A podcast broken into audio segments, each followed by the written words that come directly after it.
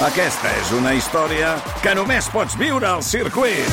24, 25 i 26 de maig. Gran premi Monster Energy de MotoGP al circuit de Barcelona, Catalunya. Compra ja les teves entrades a circuit.cat. Viu-ho!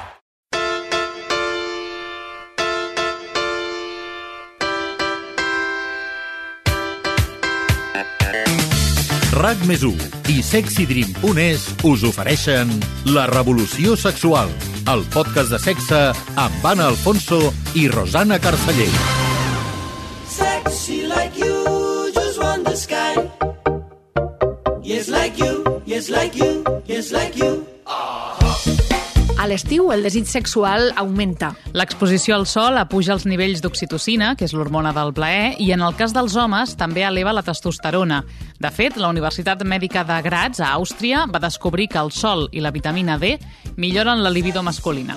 I si als efectes del sol i la calor hi sumem les vacances, el temps lliure, la reducció de l'estrès i el fet de dur menys roba a sobre, les ganes de sexe estan servides. Però l'estiu també és un moment en què moltes parelles es retroben després d'un any de rutina i això pot provocar algunes dificultats.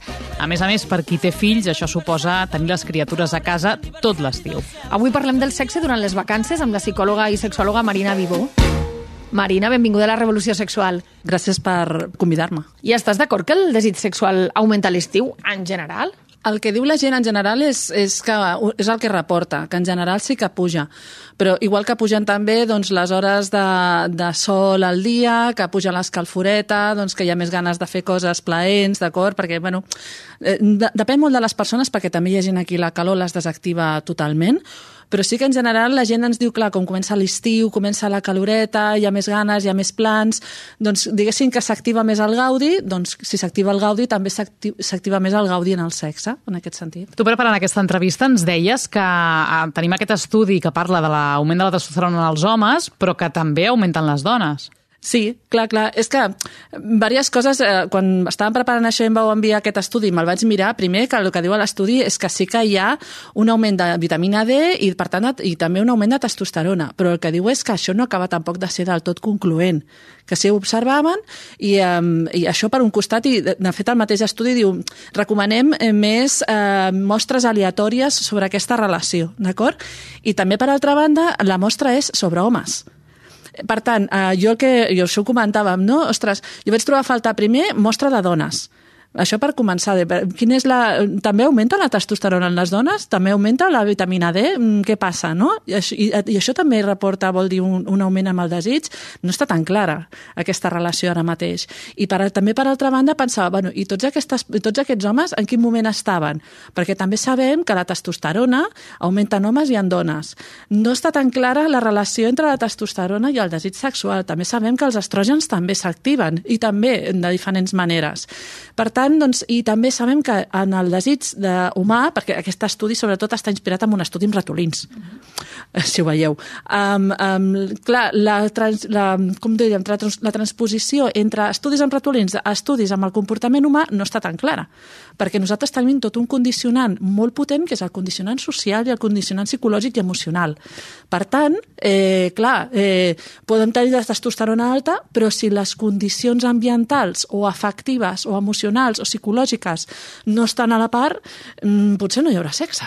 Precisament, parlant de condicionaments uh, psicològics o socials, el fet de portar menys roba, d'estar més morenos, per exemple, o d'estar més desestressats o més contents, fa que ens veiem més guapos i més guapes? Clar, pot ser, perquè a més estem, molt, estem condicionats culturalment i condicionades a veure'ns i associar la guapura precisament amb aquests estímuls. És una qüestió cultural.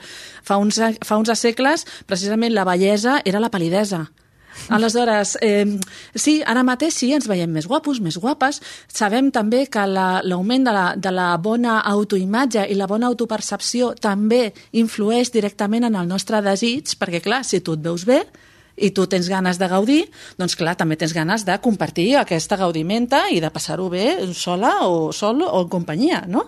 Aleshores, sí, és veritat, ens veiem més guapos, però igual que també ho veiem tot, també en general, doncs com més positiu. Una altra dada que hem trobat és que l'any 2019 una agència de viatges nord-americana va fer un estudi en el que el 34% dels encastats deien que de vacances tenien més sexe i que aquest sexe era millor. Mm -hmm. Tu, en termes generals, diries que a l'estiu tenim més i millor sexe? Diria que en general sí, i de fet perquè és l'expectativa que tenim. Perquè és això, um, si relacionem la sexualitat amb el relax, amb la tranquil·litat, però també amb el gaudir, doncs té també sentit de que en èpoques en què estem ja més enfocats i enfocades a gaudir, doncs tinguem més sexe. Sí, és el que, és el que en general es reporta. També és veritat que, um, ostres, també es poden gaudir de moltes altres maneres. I també podem dir, a veure, que també es pot disfrutar moltíssim i això no vol dir sexe.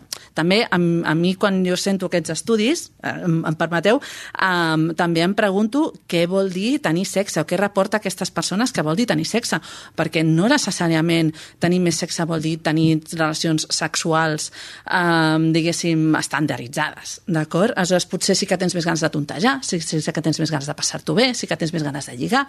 Aleshores, clar, al final tot això també porta a, a més sexe, no? A l'estiu moltes parelles, clar, estan de vacances juntes i passen molt més temps eh, junts, no? Llavors, això pot ser un component per revifar el desig sexual, però a la vegada també pot passar al contrari, que tant temps junts acabi resultant contraproduent? Diria que depèn de les parelles i depèn del moment en què estigui la parella. Aleshores, aquí obrem, tema, obrem temazo. ¿vale? Um, per una banda, no és el mateix una parella doncs, que està començant o una relació que s'està començant que una relació que ja està més consolidada. Probablement doncs, el sexe tindrà un paper diferent en les diferents fases de la relació i això també ho sabem. És a dir, per exemple, quan una pers unes persones s'estan començant a conèixer, sabem que entre les hormones i que hi ha moltes més ganes de conèixer i d'interactuar, l'excitació puja, hi ha desconeixement, hi ha misteri, hi ha més ganes, hi ha més excitació, doncs sabem que això també mm, comporta que hi hagi més sexualitat. Altres parelles també poden tenir més sexualitat en vacances doncs perquè és el moment de retrobar-se, d'acord? Um, però no necessàriament de perquè així, ser així i, i que no hi hagi més sexe no vol dir necessàriament que aquestes parelles estiguin en crisi, ja en parlarem més tard també, però perquè, a veure, també és això, una parella pot entendre's perfectament però està en moments de criança aleshores poden tenir uh, moments molt plaents en comú però no necessàriament tinguin que veure amb relacions sexuals. Potser viure, viuran la sexualitat o la sensualitat o el seu erotisme també d'una manera plaent. Aleshores, això també pot donar-se. Us diria que hi ha tants casos com parelles. I això no necessàriament vol dir, si no hi ha més sexe, que tinguem un problema. Aleshores és això. Preparant aquest capítol ens han arribat alguns testimonis que ens expliquen com viuen el sexe a l'estiu, si és millor o pitjor, i algun condicionant que sorgeix precisament de vacances. Per mi el sexe a l'estiu és molt millor. Per una banda, és molt millor en el sentit de que, bueno, vas més alleugerada, el cos sent més, o almenys a mi em passa això, no? Que estàs més oberta i al final pues, les relacions són més fluides, el contacte és, és més viu i a mi m'agrada molt més. Ara, la freqüència, pues, clar, abans quan no hi havia, no hi havia nens a casa, pues, sí, que, sí que es notava molt i, i era molt més sovint. Amb nens, pues, el tema de les vacances sí que estiguin per aquí o encara que anem de viatge o amb la família, pues sí que, clar, òbviament costa més de trobar el moment, però tot i així es troba i, i jo crec que per la meva experiència o, o per mi, la meva opinió, és millor el sexe a l'estiu. Jo diria que és millor perquè, almenys en el meu cas, aconsegueixo tenir la ment desconnectada de tot el que passa al voltant. Ni canalla, ni feines, ni polítiques, ni res. Simplement poder connectar amb la meva parella i trobar-la. Per mi el sexe a l'estiu és millor, més que res, perquè tens més tranquil·litat, no tens l'angoixa i l'estrès del dia a dia, de la feina i de més, i tot i que estan els nens per ahí danzando també, ve més de gust, no? De, amb la tranquil·litat, l'estiu, el caloret, aprofitar més els dies. Per altra banda, hi ha un hàndicap, a l'estiu fa molta calor i si no tens aire acondicionat o un ventilador, potser pateixes una miqueta més. La primera noia que m'ha escoltat deia que a l'estiu el seu cos és com que sent més, que el contacte és més viu, deia. Això li passa a molta gent? A veure, a mi sobretot el que em diuen és que tens una altra vivència del cos. És a dir, perquè primer que portem menys roba, Això per començar. Ja estem, estem amb, el, amb el cos molt més eh, connectat amb les circumstàncies ambientals. Um, podem tenir una vivència més positiva del cos, és a dir, clar, si fa una miqueta d'airet el notes més, si fa més calor també el notes més. També estem connectats amb altres sensacions, com per exemple piscines, um, totes aquestes coses que la resta de l'any doncs, potser ho tenim més cobert. I també jo crec que està molt, i ho parlarem, eh, però eh, és una cosa que parlaven els tres testimonis, que era, eh, com ho diríem, que podien focalitzar molt més l'atenció en si mateixes o en si mateixos i en les sensacions que tenien, tant pròpies com en parella.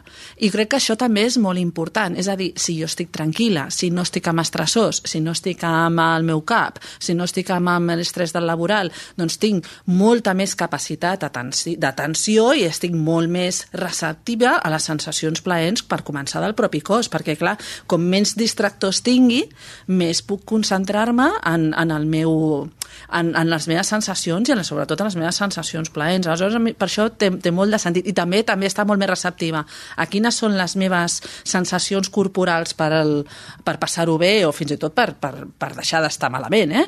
però també estic més receptiva a lo que, les senyals que m'envia l'altra persona i també doncs, a l'atractiu o a les coses que m'agraden de l'altra. També feien referència tots a la família, a la canalla, no? Per exemple, a anar de vacances en família amb pares o sogres, no? Uh, pot ser difícil trobar el moment per, a, per al sexe. Alguna recomanació en aquestes situacions en què has passat tot l'estiu amb satèl·lits, no? amb, amb criatures, amb, amb pares, amb sogres, amb família? Vale, a veure, això eh, és difícil donar consells genèrics perquè cadascú doncs, té una situació diferent. Vale? No és el mateix tenir, per exemple, bona relació amb la família política que tenim a la relació amb la família política. I cadascú doncs, té, té històries diferents.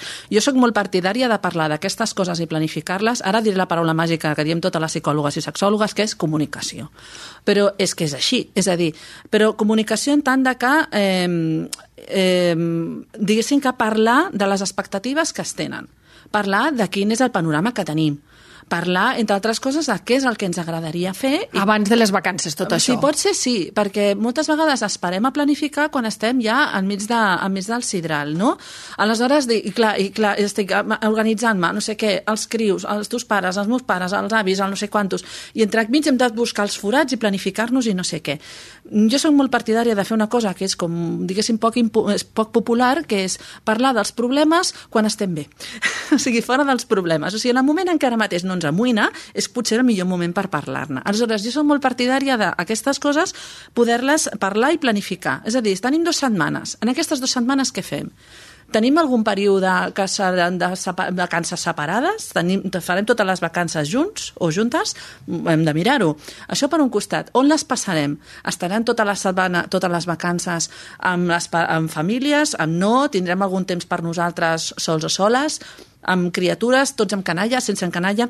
Totes aquestes coses s'han de poder preveure per, entre altres coses, poder reservar foradets o poder mm, parlar, primer, primer parlar de les expectatives que tinc i el que m'agradaria que passés en aquestes vacances i també recollir el que és el que li agradaria a l'altre. I també, i aleshores, a partir d'aquí, començar a reservar foradets o arribar a acords de petits espais que puguem tenir. Perquè és que si no, què passa? Que primer, jo mm, practiquem busquem la lectura mental de l'altre i esperem que l'altre també es llegeixi el pensament, esperem que l'altre tingui les, exactament les mateixes ganes que jo de fer el mateix i després venen les frustracions.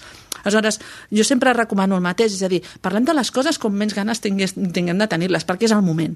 És a dir, potser anticipadament, ah, és que volem plani és que planificar, treure la improvisació si tenim canalla, si estarem en família, família política, és millor planificar, perquè així també ens estem reservant aquest espai per nosaltres, per mi i per l'altra persona.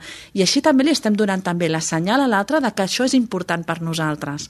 Reservar l'espai no és treure improvisació, és precisament donar tota la importància. I això és molt, jo crec que això és essencial.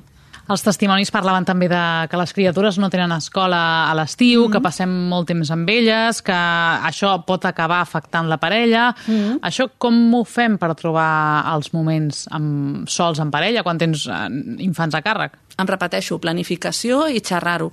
I també veure quines són les... Uh, a veure, També veure també, parlàvem abans de famílies polítiques, és a dir, hi ha famílies polítiques també, també s'ha de preveure en això. Hi ha famílies polítiques que són més interferidores i hi ha famílies polítiques que són més col·laboradores i són més ajudadores. També cal, per què també cal planificar? Perquè no en totes les parelles, en totes les relacions, les càrregues de la feina es distribueixen equitativament hi ha una part molt important del relax en la parella en vacances que és eh, el que passa també tot l'any, eh? però si jo no noto que la relació és de confiança, si jo no noto que l'espai d'intimitat és còmode, si jo no noto que l'espai de la intimitat i la relació és una base segura, jo no tindré ganes de passar-m'ho bé amb aquesta persona. Si les tasques estan sobretot en càrregues amb una persona, suposo que ja sabem de qui parlem, perquè moltes vegades la càrrega mental està més amb un membre de la parella que amb un altre, generalment les dones, per exemple, doncs clar, si aquesta, per exemple, aquesta dona doncs no veu que hi hagi una corresponsabilitat o que ho hagi de carregar tot i que no té espai per pensar i gaudir, si no tens, tens espai per tu, no tens espai per gaudir. Aleshores, aquest tipus de coses s'han de poder planificar. Això per una banda. I també per l'altra banda, doncs és això, no? Eh, intentar també veure i intentar també intentar tenir petits espais també de redescobriment de l'altre que crec que això també és important. I amb la canalla, doncs planificar activitats i també intentar, sobretot en estiu, tinguem en compte que les rutines salten pels aires, perquè les rutines que es tenen tota la resta de l'any és que no es tenen a l'estiu. I moltes vegades el que ens passa és que en la redefinició d'estar constantment a veure què fem, què planifiquem, què fem aquí, activitat aquí, cap activitat cap allà, per què està bé també una certa planificació? Perquè si no, moltes vegades la comunicació en parella en aquests temps es basa sobretot en fer coses en fer coses i en què fem i en què fem. I no parlem gairebé gens del com estem, ni com estic jo, ni com estàs tu, ni què és el que ens passa, què és el que ens sembla del que ens passa en aquell moment. I és tot fer, fer, fer, fer. Vaja, aleshores, per això també està bé poder dir, mireu, doncs potser no tindrem tots els espais de quantitat que voldríem, sobretot si tenim canalla, perquè ja sabem, però sí que també podem intentar garantir-nos espais de qualitat. Això que deies de fer, fer, fer, les coses que fem en vacances o els llocs on anem en parella en vacances, els llocs que escollim, per exemple, mm -hmm. si és un lloc nou o una activitat nova o, o excitant en el sentit de que ens agradi o que sigui novedosa, pot ajudar també a la libido, al desig sexual? Sí, perquè hi ha una component... A veure, en el desig sexual, eh, a mi m'agrada molt una psicoterapeuta que és l'Esther Perel, que parla de que en parella, sobretot quan són parelles consolidades, tenim una miqueta la, la doble necessitat. I, I esperem que la parella hi hagi les dues coses. Esperem que hi hagi aquest espai d'intimitat, de confiança, segur, on jo poder-me deixar anar, espat, espaterrar-me, que dic jo, d'acord? I deixar-me anar i estar tranquil·la o tranquil, però també el que volem és misteri, volem curiositat, volem eh, una miqueta doncs, dosi d'aventura, d'acord? Aleshores, un espai nou, un lloc nou de descoberta ens pot donar aquestes, aquesta, aquest espai de descoberta, veure també què fa l'altre en un altre lloc, de, en un lloc diferent, què faig jo, descobrir coses diferents junts, crear nous records junts, que això també està, i juntes, que això també està superbé, perquè creem noves experiències i també anem a recopilant tot un capital emocional i d'experiències noves, plaents, que això també serà molt important en els moments més complicats. Hi ha parelles que senten pressió per tenir sexe quan estan de vacances? És a dir, si marxes uns dies fora, si te'n vas a un lloc nou, i penses que aquells dies has de tenir sexe, sí, tant sí com no? Ui, tant, és que ens pensem que estem a les de Wild Lotus aquí, eh? No, no, és que l'altre dia estava veient la sèrie i estava, preparant també l'entrevista ho estava recordant, no? O sigui, recordava sobretot aquella parella que arriben al resort i, vamos, uh, això és una festa contínua. Ja, però jo no sé vosaltres, jo no tinc la, les condicions socioeconòmiques d'aquestes parelles, no? La majoria, no, no, no, no tenim això i, i ni tan sols les que tenen, després tenen, si heu vist la sèrie, no tampoc tenen tampoc una relació com per gaires festes, no? Eh, bueno, diríem que uh, sí, tenim pressió, tenim pressió per les expectatives i per el que ens passa i els que ens tornen les ficcions com, com aquesta sèrie que us estic comentant. És allò de, ostres, vacances igual a, vaja, hem de refer tot el sexe que no hem fet tota la resta de l'any. Hem de tenir tot el contacte que no hem tingut la resta de l'any. Hem de tenir tota la trobada amb l'altre que no hem tingut la resta de l'any perquè no tenim temps, perquè tenim feina, perquè tenim crius, perquè tenim eh, persones a les que cuidem, mm, patapim, patapam, estrès, històries. Aleshores, clar, en els períodes de vacacionals hi ha una altíssima pressió allà posada i, i clar, quan, sabem que quan hi ha una altíssima pressió hi ha unes altes expectatives i per tant hi ha un gran perill de frustració. Per tant, doncs, sí, és veritat, hi ha com aquest sentiment, perquè a més és el que clar, quan parlem de sexe mm, i quan parlem de sexualitat, sobretot en les persones entre nosaltres, no parlem bé de sexe, perquè parlem o de grans eh, èxits o de grans moments o de grans fracassos. Però de la... Mira, doncs mira, doncs hem estat allà al mig, no sé, a mig de cada queix i estàvem molt bé però no en teníem ganes, doncs això no ho expliquem als amics ni a les amigues expliquem els grans moments. I sí, és veritat que hi ha una gran pressió eh, i intentem satisfer-la. A l'estiu molts solters busquen vacances, ara parlàvem del sexe en parella, però als solters a l'estiu doncs, molts busquen plans per conèixer gent. Alfredo Sobron, hem parlat amb ell, és impulsor de crucerosdesingles.com, una agència de viatges especialitzada en viatges mm, per solters, que treballa des del 2006 i que munten durant tot l'any creuers per persones sense parella. La finalitat, diu, de l'experiència no és trobar parella, però lògicament s'estableixen relacions personals. Habitual que salgan parejas o que salgan relaciones, algunas incluso se han llegado a casar, han vuelto luego incluso casados. No es nuestro planteamiento de objetivo, nuestro objetivo es que la gente pues eh, se lo pase bien, conozca gente, haga amistades, pero sí que es verdad que de las amistades pues eh, pueden surgir muchas cosas. Y también es verdad que pues vienen todos eh, singles, son solteros y bueno, cada uno es libre ya de hacer luego lo que lo que quiera, ¿no? No nos cerramos a edades, lo que sí que decimos en cada caso es cómo se va formando el grupo, porque como esto también es uno a uno, pues tampoco podemos decir cómo va a ser de ahora, a unos meses cómo va a ser el grupo. Pero sí que ya conforme la gente se va apuntando y se acerca la fecha, pues le decimos, pues mira, el grupo ha salido o está en estas edades, hay un reparto eh, pues de, qué sé yo, de 30 a 40 o de 40 a 50. Intentamos ser transparentes para que luego no haya sorpresas, aunque luego es, es lo que te digo, la gente le sorprende de lo bien que se lo puede pasar con personas de otras edades y bueno, pues la, la diversión está abierta, ¿no? Marina, recomanes aquestes experiències per a gent sense parella que potser vol provar de conèixer gent, a fer coses diferents, perquè hem parlat molt del sexe a l'estiu en parella, però clar, també hi ha molta gent que no té parella i que mm. l'estiu és un moment que no sé si és el moment fantàstic que ens pensem de diversió sexual pels solters i tampoc és així. Què en penses d'això? Ja, com, a, com sempre, hi ha vivències de tot, perquè també depèn del panorama social que tingui cada, cada persona. A mi em reporten, a mi el que em diu la gent a consulta és o tant vivències doncs, de passar-s'ho molt bé perquè tenen altres... Doncs perquè és això, doncs perquè o tenen diferents opcions afectives i sexuals, però també és veritat que moltíssima gent diu que té dificultats moltes vegades per trobar espais socials, altres part, o sigui, grups on passar-s'ho bé, quedar, fer quedades, fer sortides i no sé què, um, diguéssim, amb gent de la seva edat, doncs amb la, mateix, amb la mateixa situació com pot ser la solteria, divorcis i tal. A mi em sembla una bona opció. De fet, una de les coses que comentem força vegades a consulta és quines activitats pots fer per conèixer gent nova o per conèixer gent que estigui en una situació similar a tu.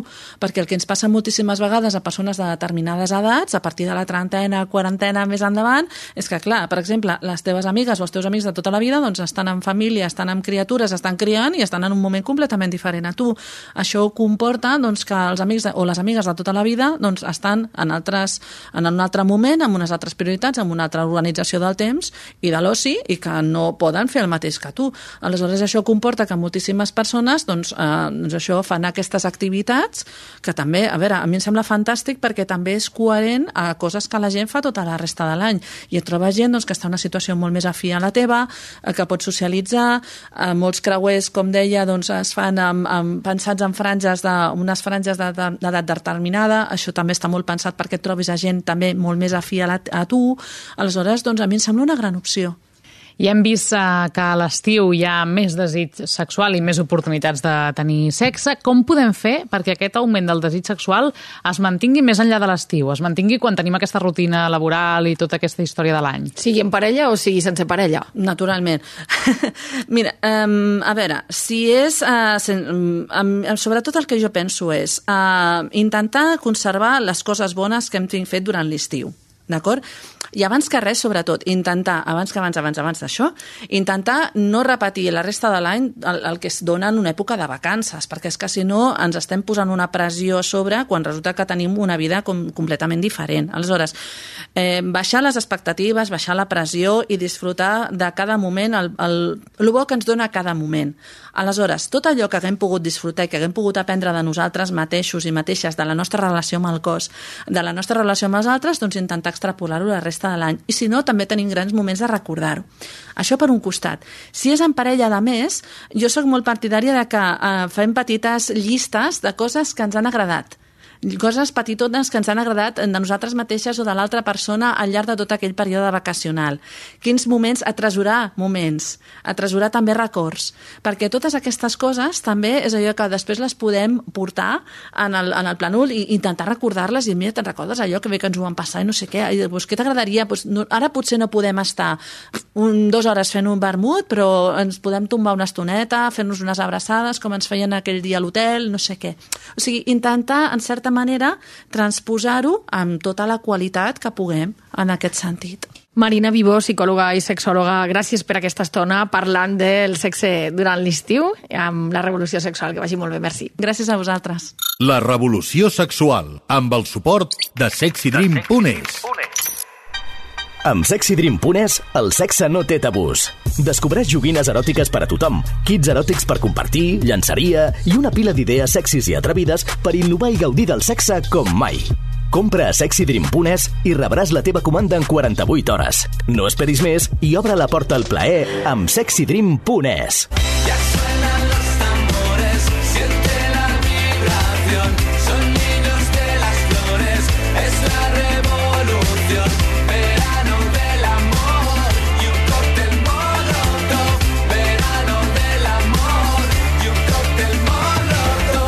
I avui que hem parlat del sexe de vacances, acabem el capítol amb una proposta ideal per l'estiu, una joguina eròtica submergible. Hi ha moltes joguines eròtiques que es poden fer servir dins l'aigua.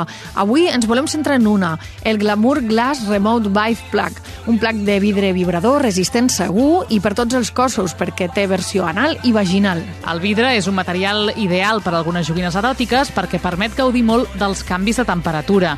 El Glamour Glass Remote Vibe Plug es pot posar a la nevera abans de fer-lo servir, posar-lo dins d'aigua calenta o fer-lo servir dins de la piscina, al mar o a la dutxa. Té 10 funcions de vibració diferents i un preu que ronda els 50 euros. El trobareu a sexydream.es. I amb aquesta proposta, com sempre, us desitgem salut I bon sexe.